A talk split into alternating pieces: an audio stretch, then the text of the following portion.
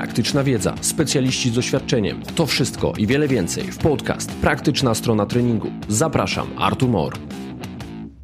Cześć, zapraszam Was na odsłuchanie drugiej części cyklu dwóch podcastów Low Back Pain. Pierwszym moim gościem w cyklu był ortopeda, traumatolog Adam Pala i mieliście już okazję naszą rozmowę odsłuchać. Dzisiaj przed mikrofonem razem ze mną Piotr Piaskowski, którego już słyszeliście w rozmowach ze mną. Zapewne znacie go jako fizjologikę, który publikuje w mediach społecznościowych. Jest również doświadczonym fizjoterapeutą ortopedycznym, związany na co dzień z kliniką doktora Słynerskiego w Warszawie. Cześć Piotrze. Cześć Artur, bardzo mi miło ponownie. Piotrze, o low back pain zostało powiedziane wiele. Adam Pala, który był moim gościem w ostatnim odcinku, właściwie prezentuje dokładnie to samo stanowisko, które my prezentujemy. Natomiast mam mhm. nadzieję, że nasza rozmowa będzie dodatkową porcją doświadczenia, z której słuchacze będą mogli czerpać. I myślę, że kilka ciekawostek uda nam się przekazać. Tak, ja myślę też, że, że parę ciekawostek z, przede wszystkim z fizjoterapii uda nam się uzupełnić przynajmniej tą rozmowę.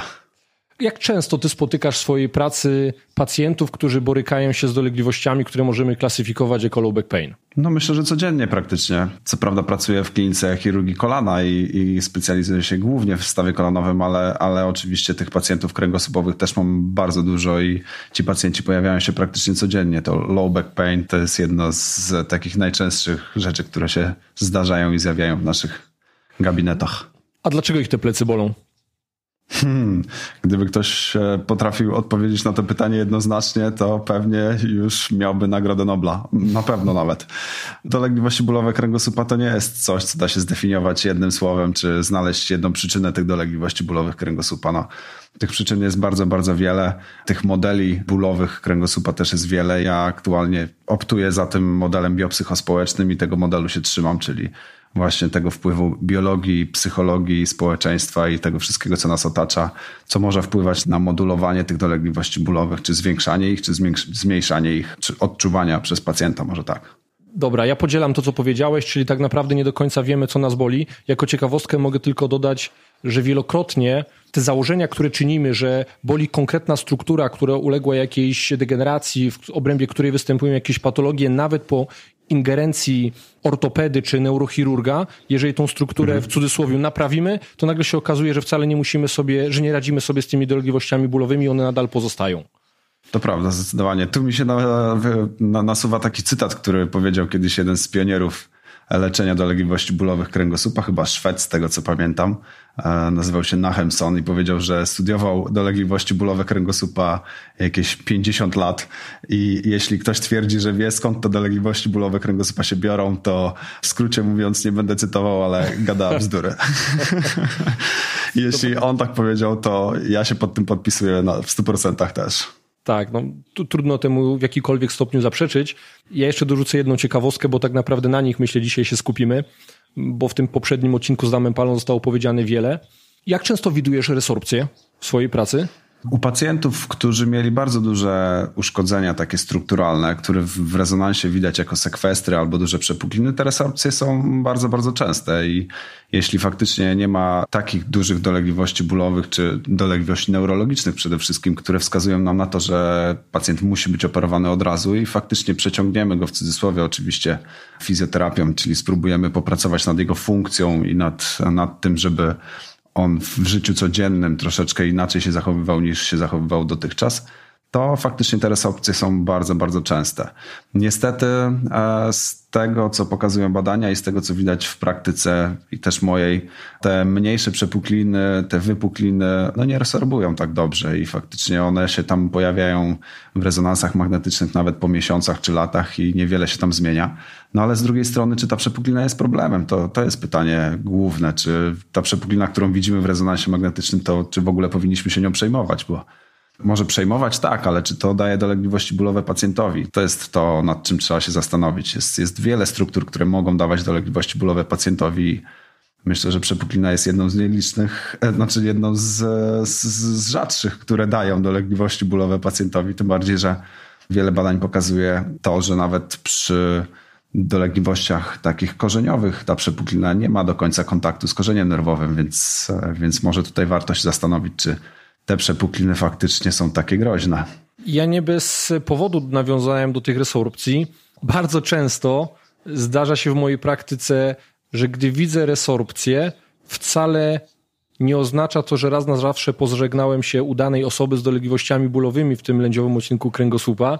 Nawet na dniach wrzucę taki przykład, taki case, gdzie osoba trafiła do mnie z bardzo dużą przepukliną.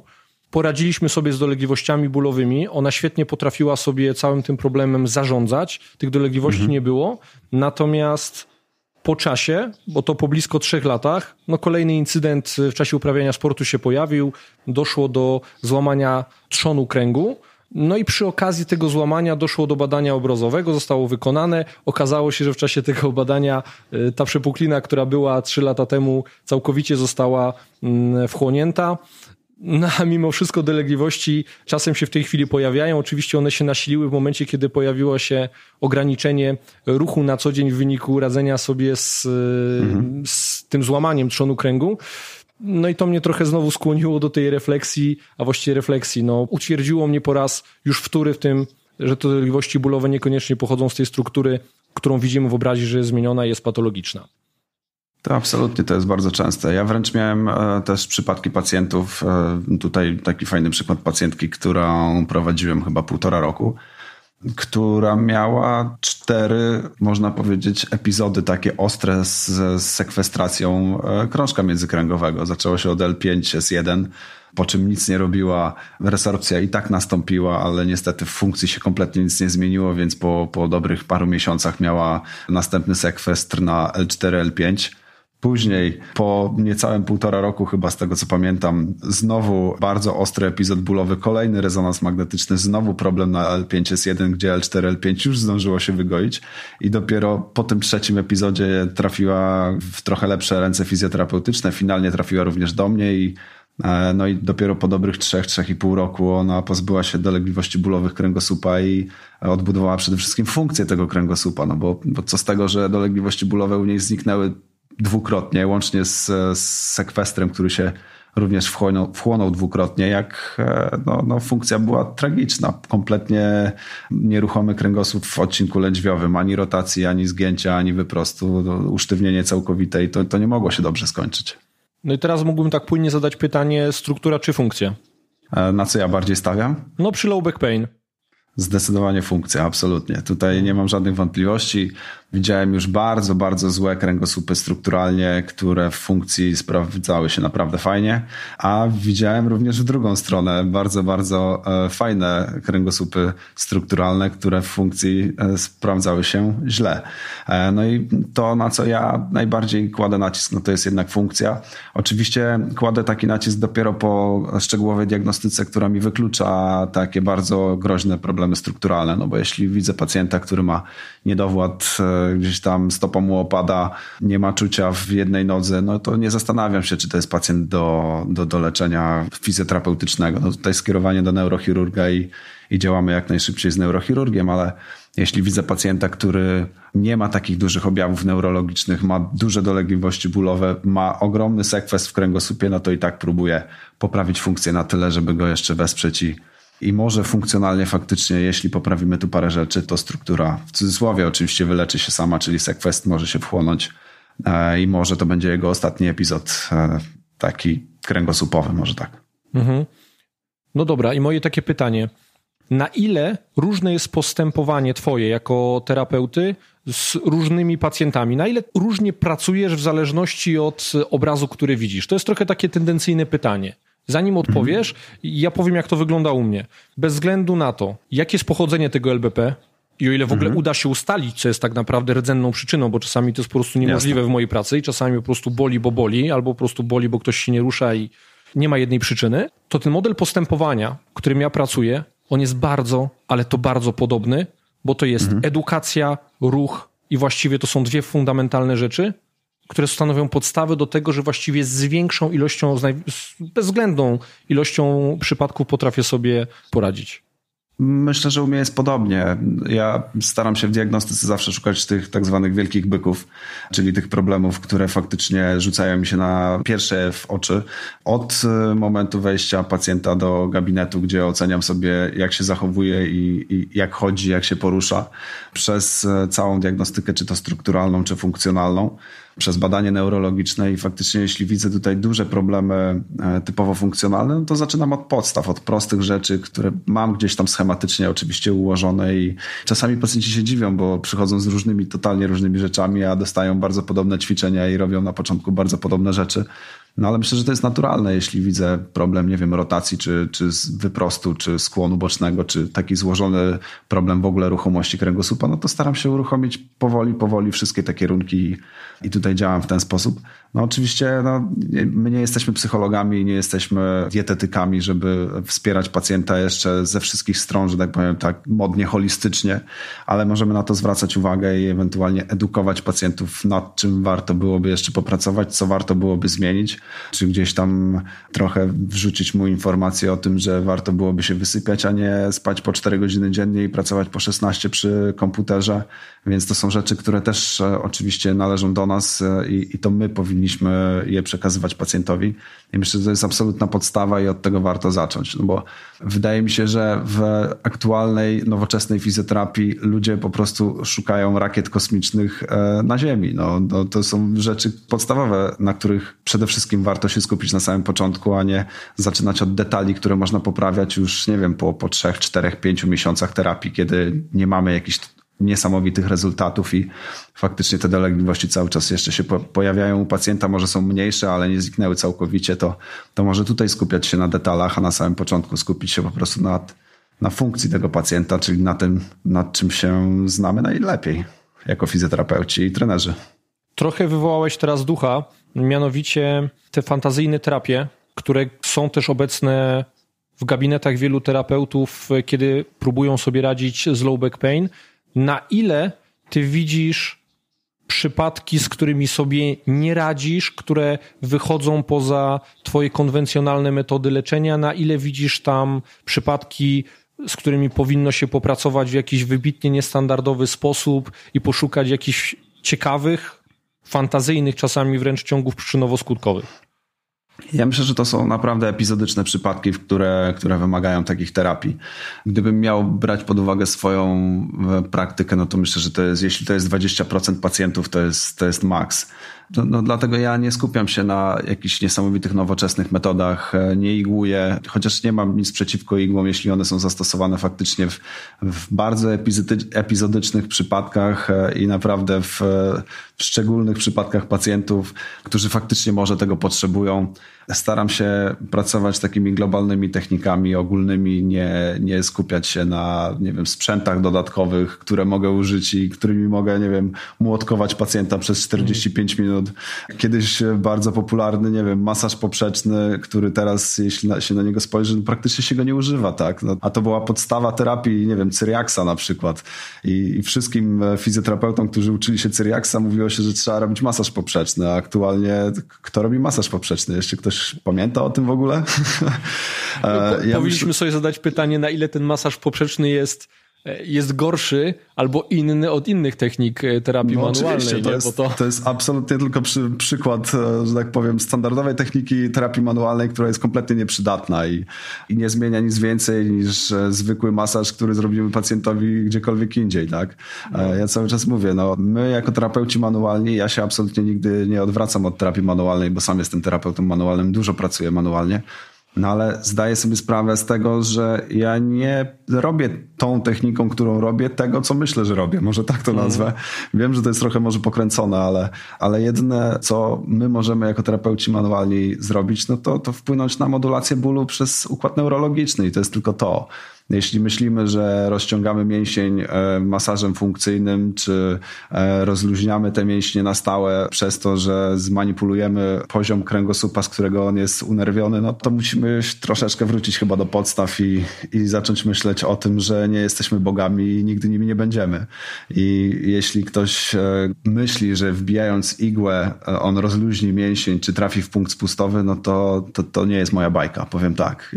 Ja jestem trochę z innej bajki, może trochę za bardzo stąpam po ziemi albo stoję na ziemi i staram się nie odlatywać w jakieś dziwne techniki e, i niesamowite metody typu strzelam. Metody nerwowo-mięśniowe, które praktycznie każda metoda, którą stosujemy jest e, nerwowo-mięśniowa. mięśniową, bo każdy mięsień jest unerwiany z czegoś tam, więc pracując nad mięśniem pracujemy nad układem neurologicznym, pracując na układzie neurologicznym pracujemy na mięśniu, więc tutaj nie ma budowania rakiet kosmicznych, naprawdę.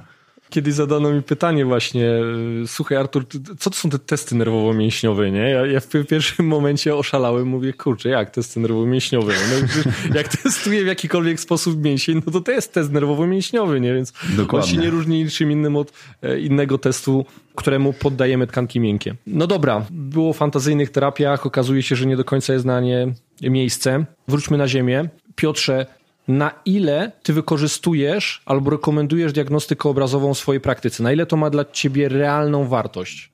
Ja powiem szczerze, że troszeczkę e, staram się i chyba nie tylko ja, bo tak, tak widzę, że, że w tą stronę idzie świat i ortopedii, i neurochirurgii, i fizjoterapii, żeby jednak nie wierzyć w 100% tym badaniom obrazowym, albo może nie stosować ich tak często, jak, e, jak stosuje się je aktualnie. I powiem szczerze, że, że staram się nie namawiać pacjentów za często do tego, żeby robili na przykład rezonans magnetyczny czy rentgen, no bo jednak e, jest kilka badań, tutaj chyba chińskie badania, z tego co pamiętam, Chińczyków z 2014 roku. Co prawda nie jesteśmy Chińczykami, ale myślę, że można przełożyć je na, na ogólną populację które mówią o tym, że, że jednak te badania obrazowe i obrazowanie pacjenta no, zmienia nasz sposób terapii i, i jednak kierunkuje nas czasami w złą stronę, czyli w, w stronę zbyt szybkich zabiegów operacyjnych, czy pogorszenia się nawet sprawności, czy, czy dolegliwości bólowych pacjenta po badaniach obrazowych, więc tutaj warto może jednak e, przemyśleć, czy pacjent z lekkimi dolegliwościami bólowymi kręgosłupa, czyli typowym low back pain, e, za każdym razem potrzebuje rezonans magnetyczny. To no, tutaj ja mam duże wątpliwości, tym bardziej rentgen, który pokazuje tylko elementy kostne, no i znajdziemy tam zawsze jakieś osteofity u pacjenta, który ma 50 plus, Tutaj, jeśli chodzi o rezonans magnetyczny, również. No, ile mamy przypadków pacjentów, którzy mają e, złe wyniki rezonansu magnetycznego, czy, czy mają duże przepukliny w tym rezonansie, czy duże zmiany zwrodnieniowe, a tych dolegliwości bólowych po prostu nie odczuwają i w funkcji naprawdę fajnie się sprawują. Ja staram się nie wymuszać na pacjencie za każdym razem, żeby ten rezonans magnetyczny zrobił. Staram się robić swoją diagnostykę, sprawdzać, co tam w funkcji może być nie tak. Oczywiście badanie takie neurologiczne, krótkie, skrócone, absolutnie nie, nie takie, jak potrafią to zrobić neurolodzy, bo oni do, są w tym mistrzami ale to, co mi jest do fizjoterapii potrzebne i to, co jest mi potrzebne do tego, żeby ocenić, czy moja terapia będzie bezpieczna, no to staram się zrobić już na pierwszej wizycie i, i to jest clue mojej, e, mojej terapii, którą, którą stosuję i którą wprowadzam u pacjenta. Czyli czerwone flagi, edukacja Absolutnie. i funkcja. Absolutnie. To, jest, to, są rzeczy, na których ja szybko mogę się skupić jako fizjoterapeuta na pierwszej wizycie i na tym się skupiam, żeby chociaż w jakiś jakikolwiek sposób e, stan pacjenta się poprawił i, i, tylko w taki sposób mogę to zrobić. A no ale jeśli widzę, że faktycznie może być niebezpiecznie, mamy coś naprawdę cudzysłowie dla mnie ciekawego, dla pacjenta nieciekawego, no to wysyłam go dalej do diagnostyki albo lekarskiej, albo proszę, żeby po prostu zrobił rezonans magnetyczny i, i oglądamy, co tam może być i, i, i czy jest to groźne faktycznie, czy jest to coś, co możemy zbagatelizować i dalej pójść swoją stronę terapią. Na ile czynniki środowiskowe, a na ile a na ile biomechanika? Oj, to jest bardzo złożone pytanie i, i, i bardzo trudna odpowiedź. No tutaj ja myślę, że fizjoterapeuci zbyt często oceniają z góry pacjentów jako pacjentów psychogennych. To, to jest coś, co mi się nie podoba w ostatniej takiej nowoczesnej fizjoterapii, można tak to nazwać, czyli aktualnej fizjoterapii. Mhm. Zbyt często, gdy widzimy pacjenta, który troszeczkę odstaje od ram naszych, w cudzysłowie, normalnych pacjentów, to zaczynamy oceniać go z góry jako pacjenta, który ma duże problemy psychiczne i te problemy psychiczne przekładają mu się na low back pain a myślę, że warto tu jednak tą diagnostykę poszerzyć i zobaczyć, czy faktycznie funkcji czegoś tu nie mamy.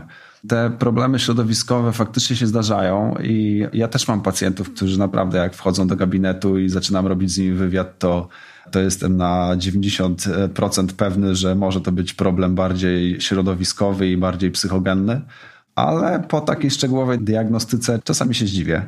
I jeśli zaczynam z tym pacjentem pracować, nawet widząc takie problemy gdzieś tam wynikające z czego innego, a pracuję z nim trochę funkcjonalnie, to się okazuje, że ci pacjenci się poprawiają. Może dlatego, że się im opiekujemy i może to już psychicznie też e, wprowadza u niego pewien poziom bezpieczeństwa i dlatego poprawiają się też dolegliwości bólowe, czyli zmniejszają się dolegliwości bólowe. A może faktycznie miał problem funkcjonalny oprócz tego, co gdzieś tam dodatkowo jest środowiskowo i psychologicznie czy psychicznie, co już wprowadzone na sam początek daje mu poprawę. No ale faktycznie zdarzają się ci pacjenci, jak to my ich nazywamy, pacjenci z teczkami wypełnionymi rezonansami magnetycznymi, rentgenami i wszystkimi innymi badaniami, którzy mówią już w wywiadzie, że byli u 16 różnych fizjoterapeutów, leczą się od dwóch i pół roku i nikt im nie pomógł. I ty już wtedy wiesz, że będzie ciężko. No, już wtedy wiem, że może być ciężko, a tak. no, ale staram się wprowadzić coś nowego. Czasami to działa niestety tylko na chwilę i trzeba to przyznać, że u takich pacjentów, no, oni zmieniają tych terapeutów też dlatego, że może ten nowy bodziec e, na chwilę pomaga w ich dolegliwościach bólowych, ale za chwilę po przyzwyczajeniu, po poznaniu terapii, czy nowych ćwiczeń, czy czegokolwiek, co wprowadzamy nowego w, e, do, do ich życia, czy do terapii, no oni po prostu, ich organizm w cudzysłowie może się nudzi trochę i zaczyna z powrotem wracać do, do, do tych dolegliwości bólowych, które mieli i, oni szukają dalej po prostu. Moje pytanie miało taki motyw, dlaczego zostawiłem tą biomechanikę z czynnikami środowiskowymi.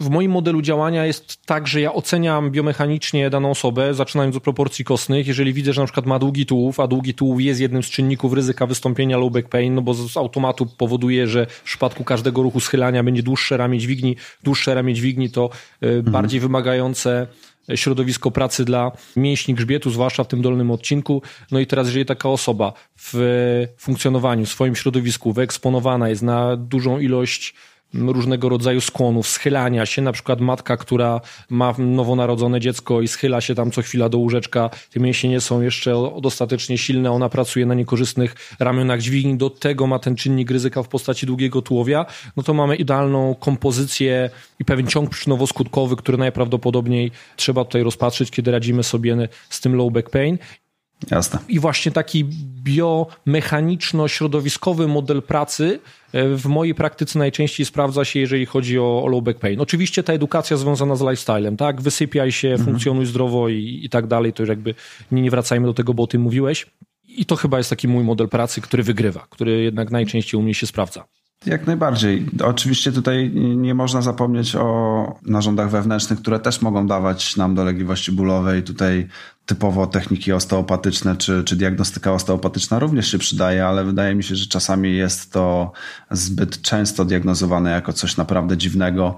Te dolegliwości bólowe, szukamy tych przyczyn bardzo daleko, a, a mamy je bardzo blisko i, i może, może tutaj zbyt często się to pojawia w naszych gabinetach, tak mi się wydaje. Ja oczywiście też mam pacjentów, którzy nie idą mi tak, jak powinni, czy tak, jak ja bym chciał i szukam tutaj dalej, ale nie, nie zaczynam od, od razu diagnostyki osteopatycznej i wysyłania pacjenta po kolei do czterech, czy pięciu, sześciu specjalistów, którzy ocenią tego pacjenta i, i dadzą mi pięć, sześć różnych feedbacków i ja nie będę wiedział nad czym się skupić. Na początek robię swoje, jeśli to działa, to działa, a jeśli to nie działa, to naprawdę szukam dalej i, e, i albo odsyłam pacjenta, albo poszerzam diagnostykę.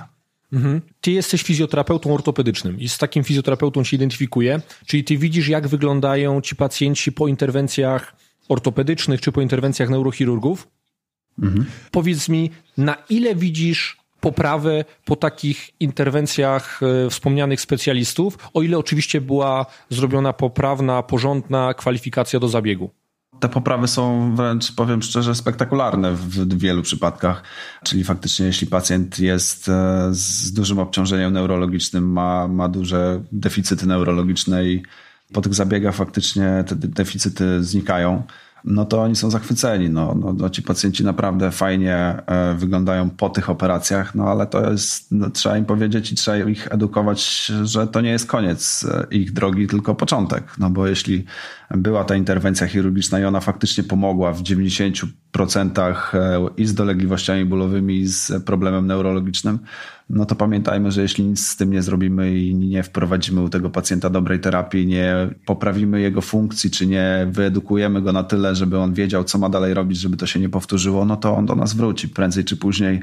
Najpierw pewnie do neurochirurga znowu, a potem znowu do nas fizjoterapeutów, więc warto to robić i, i, naprawdę ja widzę ogromną e, różnicę e, u pacjentów, którzy nie mieli rehabilitacji wprowadzonej szybkiej po interwencjach neurochirurgicznych i tych, którzy tą rehabilitację mieli praktycznie od samego początku.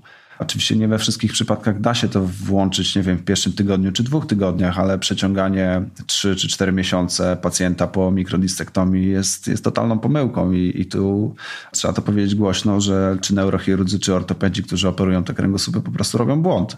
No, dla mnie pacjent po trzech czy czterech miesiącach po mikrodistektomii, który trafia do fizjoterapeuty, jest jakieś dobre dwa i pół miesiąca po czasie, tak? To, to, jest, to jest pacjent, z którym my będziemy bardzo długo pracować nad funkcją i nad tym, żeby on się nie bał ruchu, którego się boi praktycznie w 100%. Mhm. On się boi schylić, on się boi przysiąść, on się boi podnieść dziecko, on się boi wsiąść do samochodu, wyciągnąć teczkę z tylnego siedzenia, praktycznie każdego ruchu, którym wprowadza ruch skłonu czy skrętu. Mhm. No i, i to jest, myślę, problem e, chirurgii kręgosłupa. To są trochę takie naleciałości sprzed 20 lat, gdzie wiemy, że brak ruchu jest zły, a my jeszcze cały czas próbujemy w tych starej szkole unieruchamiać pacjentów po jakiejkolwiek ingerencji mm, ortopedycznej, neurochirurgicznej w ogóle. No to są te czasy, kiedy wsadzało się w gips. I to są takie naleciałości tak, z tych czasów, kiedy unieruchomić. Bo jak jest unieruchomiony, to na pewno się wygoi, a my już wiemy, że brak ruchu dla aparatu ruchu jest największym złem.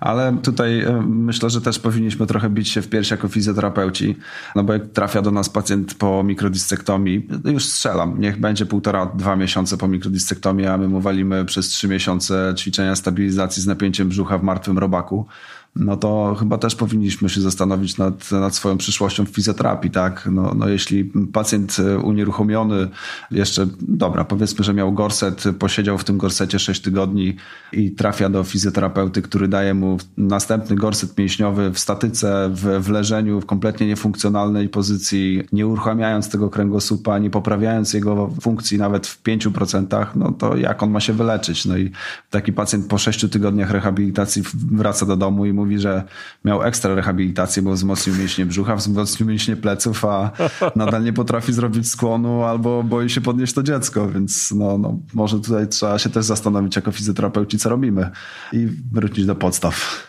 Tak, to są te koncepty z lat 90. mięsień poprzeczny brzucha, nie? który był tak, uwielbiany tak. w tamtych czasach. Swoją drogą chyba na jego temat były raptem ze dwie publikacje, tylko one widocznie były jakoś poczytne, takie, że... Dokładnie. Że Jedna chętnie... była norweska z tego co pamiętam, taka słynna. Możliwe, ja już tam no, nie pamiętam nazwiska autorów, ale mo, może masz rację. I ten poprzeczny brzucha to jeszcze ciągnęło się na szkoleniach, na których byłem dosłownie 6-8 lat temu. E, ja to, no 6 lat temu, ja to, ja to słyszałem. Ja jeszcze wtedy nie byłem przekonany, jak wielką bzdurą to jest. E, I wtedy mhm. jeszcze tak słuchałem z takim, hmm, no nie chcę mówić zaciekawieniem, ale ale jeszcze brałem pod uwagę, że może to być prawda i że ten poprzeczny brzucha y, jednak trzeba go tam trenować. Już wtedy fantazyjnie mi się wydawało, jak to jest, że ci prowadzący te szkolenia, oni potrafią wyczuć pracę tego poprzecznego brzucha i poczuć, że on, że on napina się tam, już nie, że się w ogóle napina, tylko że się napina jako pierwszy, bo jeszcze pamiętam jak dzisiaj te sformułowania, gdzie liczy się nie tylko, żeby ten poprzeczny był napięty, ale również sekwencja, żeby on się pierwszy napinał w tych wszystkich ruchach, że ruszasz lewą ręką, a poprzeczny brzucha ma pierwszy pierwszy włączyć się w ruch, to on ma inicjować ten ruch. Nie? No to jak, jak, jak, jak wyczuwanie przepływu płynu mózgowo-rdzeniowego trzymając za czaszkę, więc mniej więcej mamy te, takie same możliwości i takie same szanse na to, że cokolwiek wyczujemy, jeśli chodzi o poprzeczny, podejrzewam. No. Można, mo, można między wiersze i e, na, najlepiej na półkę z, z anatomią e, bochenka postawić obok i niech tam stoi. Tak. Potem minęło kilka lat i, i dowiedziałem się, że możemy sobie przecież przyłożyć głowicę USG w okolice poprzecznego brzucha, prostego brzucha, skośnych i zobaczyć, jak wygląda sekwencja napięciowa. I tak możemy zapytać tych wszystkich specjalistów, którzy potrafią tak świetnie popracować tym poprzecznym brzucha, no to go, to teraz napnij go jako pierwszy. Show Zgadza me. się. E, nawet rozmawiałem kiedyś z, z Pawłem Krótkim i on chyba, e, z tego co pamiętam, chyba Adam Michoński u nich był. Nie chcę skłamać, ale, ale tak, tak pamiętam tą historię który pokazywał napięcie poprzecznego brzucha pod USG i, i oczywiście w takich izolowanych ćwiczeniach, gdzie próbowali napiąć fizjoterapeuci te, ten poprzeczny brzuch, a potem e, kazał zrobić im czyste, proste, hamskie brzuszki i wychodziło dokładnie to samo na tym USG, więc, więc myślę, że nie warto po prostu się nad tym skupiać i, i pójść w trochę bardziej sensowne rzeczy i przemyśleć swoją terapię czasami. Czekaj, przyszedł mi kolejny temat do głowy. Oddech. Jak często zaczynasz od pracy z oddechem? I znowu, pytanie jest trochę tendencyjne. Zrobił się przez ostatnie dwa lata mhm. taki, taki hype na oddech, czyli wchodzi do ciebie ktoś do gabinetu i ty od razu zaczynasz mu tłumaczyć, jak ten oddech jest ważny i w ogóle jak on to źle nie oddycha, jak trzeba zrobić pełną reedukację oddechową, no bo on z takim oddechem to on daleko nie zajdzie i, i w ogóle jego życie nie ma sensu z takim oddechem, jak on do tej pory miał. No, ja myślę, że skoro przyszedł do naszego gabinetu, to nawet potrafi oddychać e, i to jest, to jest początek dla mnie i podstawa. Czyli jeśli w ogóle jest w stanie się dotlenić, to znaczy, że ten, z tym oddechem nie jest tak źle. Na pewno jeśli widzę, że pacjent e, po pierwszych dwóch ćwiczeniach robi mi się czerwony i zaraz mi zemdleje, to, to przypomnę mu, że warto byłoby oddychać, ale praktycznie w ogóle nie skupiam się od samego początku na, na oddechu i jest to jedna z rzeczy, może którą warto byłoby pogłębić trochę i może kłaść e, nacisk też na oddech, ale myślę, że nie w pierwszej kolejności. Dla mnie to też jest rzecz uzupełniająca, którą można wprowadzić gdzieś tam, nie wiem, piąta, szósta czy czwarta, piąta terapia, w której widzę, że już poprawiłem to, co chciałem, te największe rzeczy i największe problemy. I teraz, jak już pacjent nie musi się skupiać nad e, sześcioma nowymi rzeczami, które mu dałem, to może dorzucę mu oddech i takie wymuszone trochę, w cudzysłowie oczywiście, prawidłowe oddychanie po to, żeby gdzieś tam jeszcze się nad tym skupił ale dla mnie ta teoria prawidłowe oddychanie jest jak ze wszystkim w fizjoterapii. Jest, każdy z nas jest inny, każdy z nas inaczej będzie oddychać i dla każdego co innego będzie totalnie naturalne i myślę, że szukanie i, i bardzo mocne skupianie się tylko i wyłącznie na oddechu i prowadzenie terapii pod kątem tylko i wyłącznie oddechu, to nie to, w czym ja pracuję. No, ale mm. może dlatego, że się nad tym oddechem nigdy jakoś bardzo nie skupiałem, póki, e, póki ci moi pacjenci żyją i wychodzą zdrowsi niż wchodzili. E, podzielam. Ja akurat jestem wielkim fanem tych koncepcji oddechowych i, i wiem, że one są zasadne w pewnym kontekście, w pewnych okolicznościach. I uważam, że to jest bardzo ważna rzecz, natomiast obserwując znowu to, co się dzieje w fizjoterapii i to, że ktoś wchodzi już od razu za ten oddech, to co powiedziałem przed chwilą, no to nie, to temu mówimy nie każdej rzeczy, którą robimy w gabinecie, musimy nadać kontekst, ona musi być zasadna, ona musi być naprawdę potrzebna. Jeżeli będę miał kogoś, kto ewidentnie ma skaszaniony tor oddechowy i widzę, że te barki mu się unoszą po duszy, to wpływa na całą biomechanikę jego ciała. Jeżeli chcę z nim wykonywać jakieś ćwiczenia, które wymagają tego, ażeby on wykorzystał ten mechanizm tłoczni brzusznej, no to to jest kontekst, który sprawia, że ja mówię, słuchaj, musimy przerobić oddech, ty musisz zrozumieć podstawy tej biomechaniki oddechu, bo to ci będzie potrzebne do tego i do tego. I to jest, tak, to jest kontekst, który ja wykorzystuję. Oczywiście. Ja też staram się nie straszyć pacjenta bardziej niż on jest wystraszony. Jeśli przychodzi do mnie z, z ja przynajmniej oceniam to jako z czym innym e, i powiem mu jeszcze, że źle oddycha i robi to jeszcze tamto i powinien e, jeszcze wbić tutaj igły, bo, bo ten mięsień jest bardzo spięty i staw krzyżowy mu się zablokował i noga mu się skróciła i za chwilę spróbujemy ją wyprostować i wyciągnąć i nagle ona się wyciągnie i wyprostuje na jednej terapii. No i stawia mnie to w takiej pozycji prawie, że e, cudotwórcy, który zrobił coś niesamowitego, no to to nie jest ten kierunek, tak? Bo ten pacjent wychodzi dalej przestraszony albo jeszcze bardziej przestraszony, bo oprócz tego, że przyszedł do mnie z krótką nogą, która nie była krótka, e, to jeszcze się dowiedział, że jego oddech jest schrzaniony i warto byłoby popracować jeszcze na poprzecznym brzucha. Hmm. Więc no, staram się też e, wprowadzać taki spokój w tej terapii i, i, i trochę w samym podejściu pacjenta do tych dolegliwości bólowych kręgosłupa. Mhm. To, co teraz powiedziałeś, to uspokajanie, dla mnie czasami mm, to będą teraz mocne słowa. Czasami stawiam pomiędzy tym uspokajaniem w terapii znak równości względem bagatelizowania dolegliwości, z którymi przyszedł pacjent. To może brzmi brutalnie, bo jakby nie chcemy tego robić, natomiast jeżeli ktoś przychodzi przestraszony, z długim opisem rezonansu, z wieloma jakimiś patologiami i z taką trzęsącą ręką daje mi ten opis i, i jeszcze mhm. mówi, że jest obolały, no to najgorsze, co może być, to jest właśnie, jeżeli ja mu dorzucę do pieca to, co powiedziałeś. Czyli ja czasami mówię, słuchaj, no statystycznie gdzieś 8 na 10 z generalnej populacji cierpi na te dolegliwości, co ty. My jako fizjoterapeuci świetnie potrafimy sobie z tym radzić. 90% problemów rozwiązujemy zachowawczo, najczęściej to właśnie edukacja, to, to i tamto sprawia, że będzie ci lepiej. Nie? I to jest trochę takie spłycenie tego tematu, ale zbagatelizowanie go i ktoś powie, okej, okay, to, to ja nie jestem wyjątkiem, do takich osób jest więcej, ty potrafisz sobie z tym radzić. I, i myślę, Jasne. że to jest, to jest koncepcja, której powinniśmy hołdować. Odwróćmy teraz to.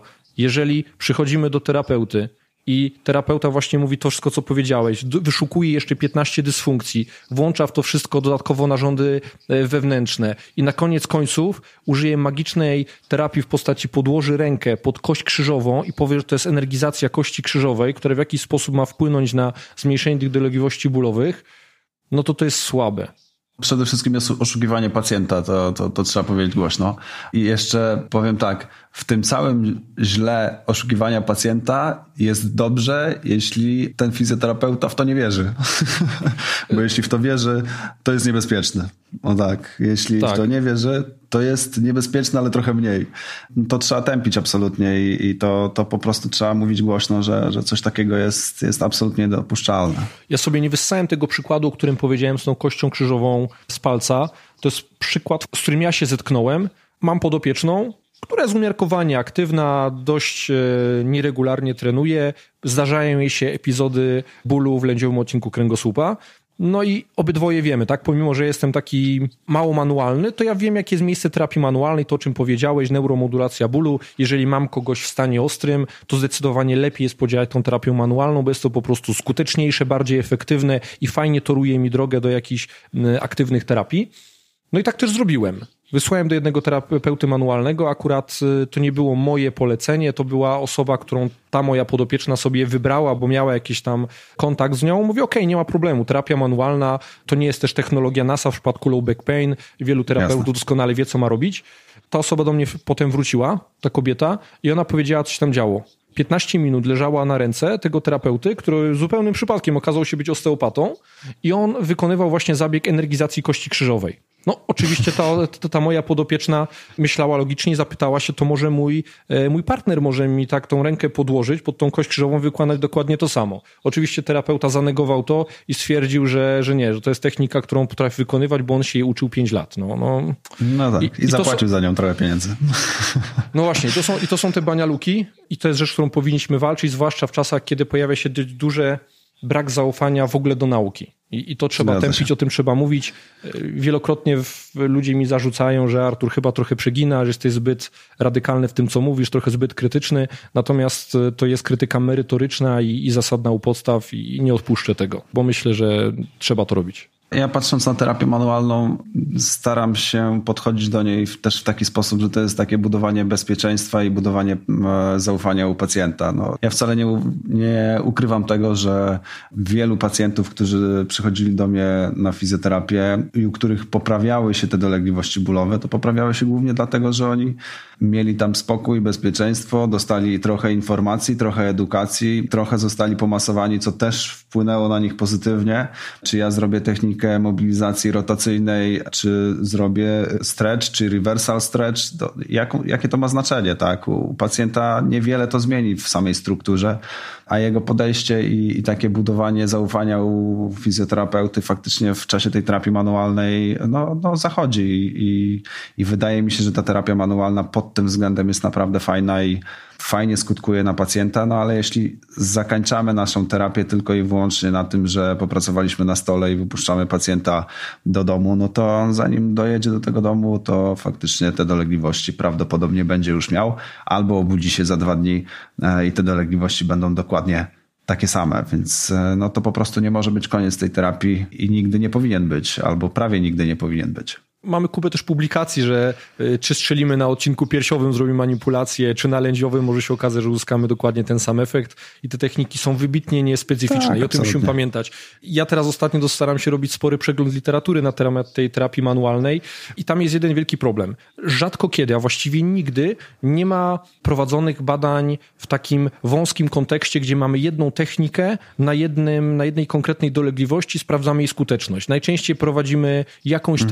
Używamy jakiegoś zbioru technik albo łączymy różne terapie, terapie pasywne z terapiami aktywnymi i ten blend tego wszystkiego sprawia, że my mamy bardzo niejasny pogląd na to, co jest prawdą, a co jest fikcją i teraz możemy wyciągnąć z tego taki kontekst, jak chcemy.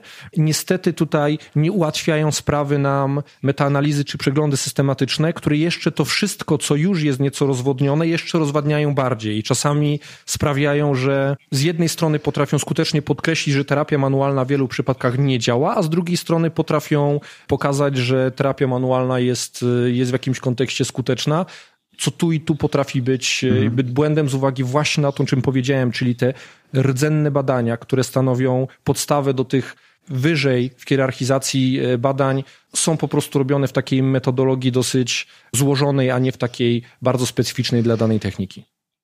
Zgadza się. Myślę, że to jest duży problem metodologii fizjoterapii w ogóle, jeśli chodzi o badania. No, no tego się nie da wyizolować. To jest, to jest e, czynnik ludzki, czynnik, e, jest tych czynników, które wpływają na pacjenta jest bardzo, bardzo dużo i trzeba by znaleźć 10 idealnych, takich samych praktycznie pacjentów i pracować z nimi idealnie tak samo, gdzie wiemy, że mogłoby to wpłynąć przynajmniej na część z tych pacjentów, e, no, no nie, może nie tak pozytywnie, jak powinno, więc my też modyfikujemy te terapie, nawet w badaniach naukowych. No, stosujemy jakąś tam metodę, ale oprócz tego stosujemy różne inne metody na każdego z tych pacjentów i, i tego się po prostu nie da tak w 100% wyizolować. I może troszeczkę łatwiej jest w środowisku lekarskim, gdzie mamy określone metody chirurgiczne, które stosujemy, czy lekarze ortopedzi stosują i, i widać tutaj, że nie wiem, po implancie ActiFit, zastosowanie implantu ActiFit pacjent tak, tak, tak i tak się zachowywał, chociaż to też jest modulowane przez to, co się dzieje po takiej operacji, więc e, one też nie są idealne. No tutaj no, no nie uda nam się prawdopodobnie żyć w naukowym, idealnym świecie i, i, i myślę, że trudno będzie niektóre terapie a udowodnić, B niektórym zaprzeczyć. No ale no, no, musimy troszeczkę rozsądniej do tego podchodzić i na pewno część z tych terapii, które już na pierwszy rzut oka no raczej wydają się fantazyjne i kosmiczne, no po prostu odrzucać, no bo to nie ma sensu w to brnąć, tak? To, to nic nie zmienia w nas, w naszej, w naszej pracy jako fizjoterapeutów. W naszej praktyce ogromnym wyzwaniem jest, a właściwie nie wyzwaniem, myślę, że pewnym problemem jest fakt, że wiele dolegliwości ulega samoleczeniu. I teraz my potrafimy z uwagi na to uwierzyć, że nasza terapia, że nasze techniki przynoszą spektakularny efekt. To prawda. My jako fizjoterapeuci mamy wspomagać ten proces leczenia, tak? Ten proces leczenia i tak zachodzi i organizm jest tak, jest, ja zawsze to powtarzam, że jest niesamowitą strukturą, która ma ogromne możliwości samoleczenia i to samoleczenie zawsze zachodzi do pewnego stopnia i my jako fizjoterapeuci no nie możemy przeceniać też swoich możliwości i swojej pracy. Tak, takie jest moje zdanie i ja staram się tego nie robić. Oczywiście czasami e, i mnie porwie e, jakiś niesamowity wynik z pacjentem, który uda mi się osiągnąć, ale do dzisiaj nie mogę być w 100% pewny w większości tych przypadków, czy to była moja praca, czy to było po prostu samoleczenie, czy to był czas, czy to było wszystko, co wpłynęło na tego pacjenta, czy to było po prostu szczęście i pacjenta z dnia na dzień po prostu przestały te, te plecy boleć. No ale na pewno nie przypisywałbym sobie tak dużych zasług, jak wydaje nam się, że osiągamy. musimy tutaj być trochę krytyczni, musimy też spojrzeć e, na swoją pracę po prostu realnie i, no i wiemy, że, że po prostu nie jesteśmy w stanie zrobić wszystkiego, a w przypadkach, w których pomagamy, nie zawsze jest to stricte tylko i wyłącznie nasza praca i o tym pamiętajmy. Podpisuję się pod tym, co powiedziałeś. Bądźmy krytyczni wobec swojej pracy. Nauka to jednak podstawa im więcej magii, tym więcej problemów też w terapii. Jeżeli używasz fantazyjnych terapii, to będziesz miał fantazyjne powikłania. Tak jest. Piotrze, o LBP można tak mówić godzinami, właściwie zbaczać na wiele różnych wątków. Ja myślę, że powiedzieliśmy dzisiaj dostatecznie wiele. Jeżeli ktoś nie słuchał jeszcze rozmowy z Adamem Palą, to odsyłam, zachęcam, jak wygląda spojrzenie na ten problem z perspektywy praktykującego ortopedy z wieloletnim doświadczeniem. Ja myślę, że ta rozmowa będzie równie ciekawa dla słuchaczy, jak ta z Tobą dzisiaj. Myślę, że to wszystko, Piotrze. Czy jeszcze chciałbyś coś dodać? Chciałbym tylko powiedzieć, że jak już zrobisz totalny research e, terapii manualnych, to e, zapraszam do mnie. Pogadamy o wynikach. E, ja muszę zrobić porządny ten research i jeszcze zmienić moje tendencyjne nastawienie, bo wiesz, na razie jestem jeszcze taki bardzo, bardzo subiektywny, nieobiektywny.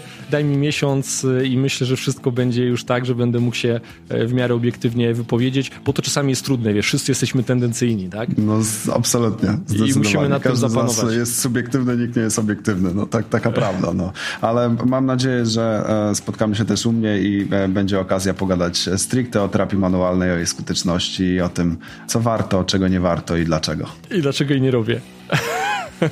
Dobra, Piotrze, bardzo dziękuję za poświęcony czas. Mam nadzieję do usłyszenia już niebawem. Dzięki wielkie. Cześć, hej.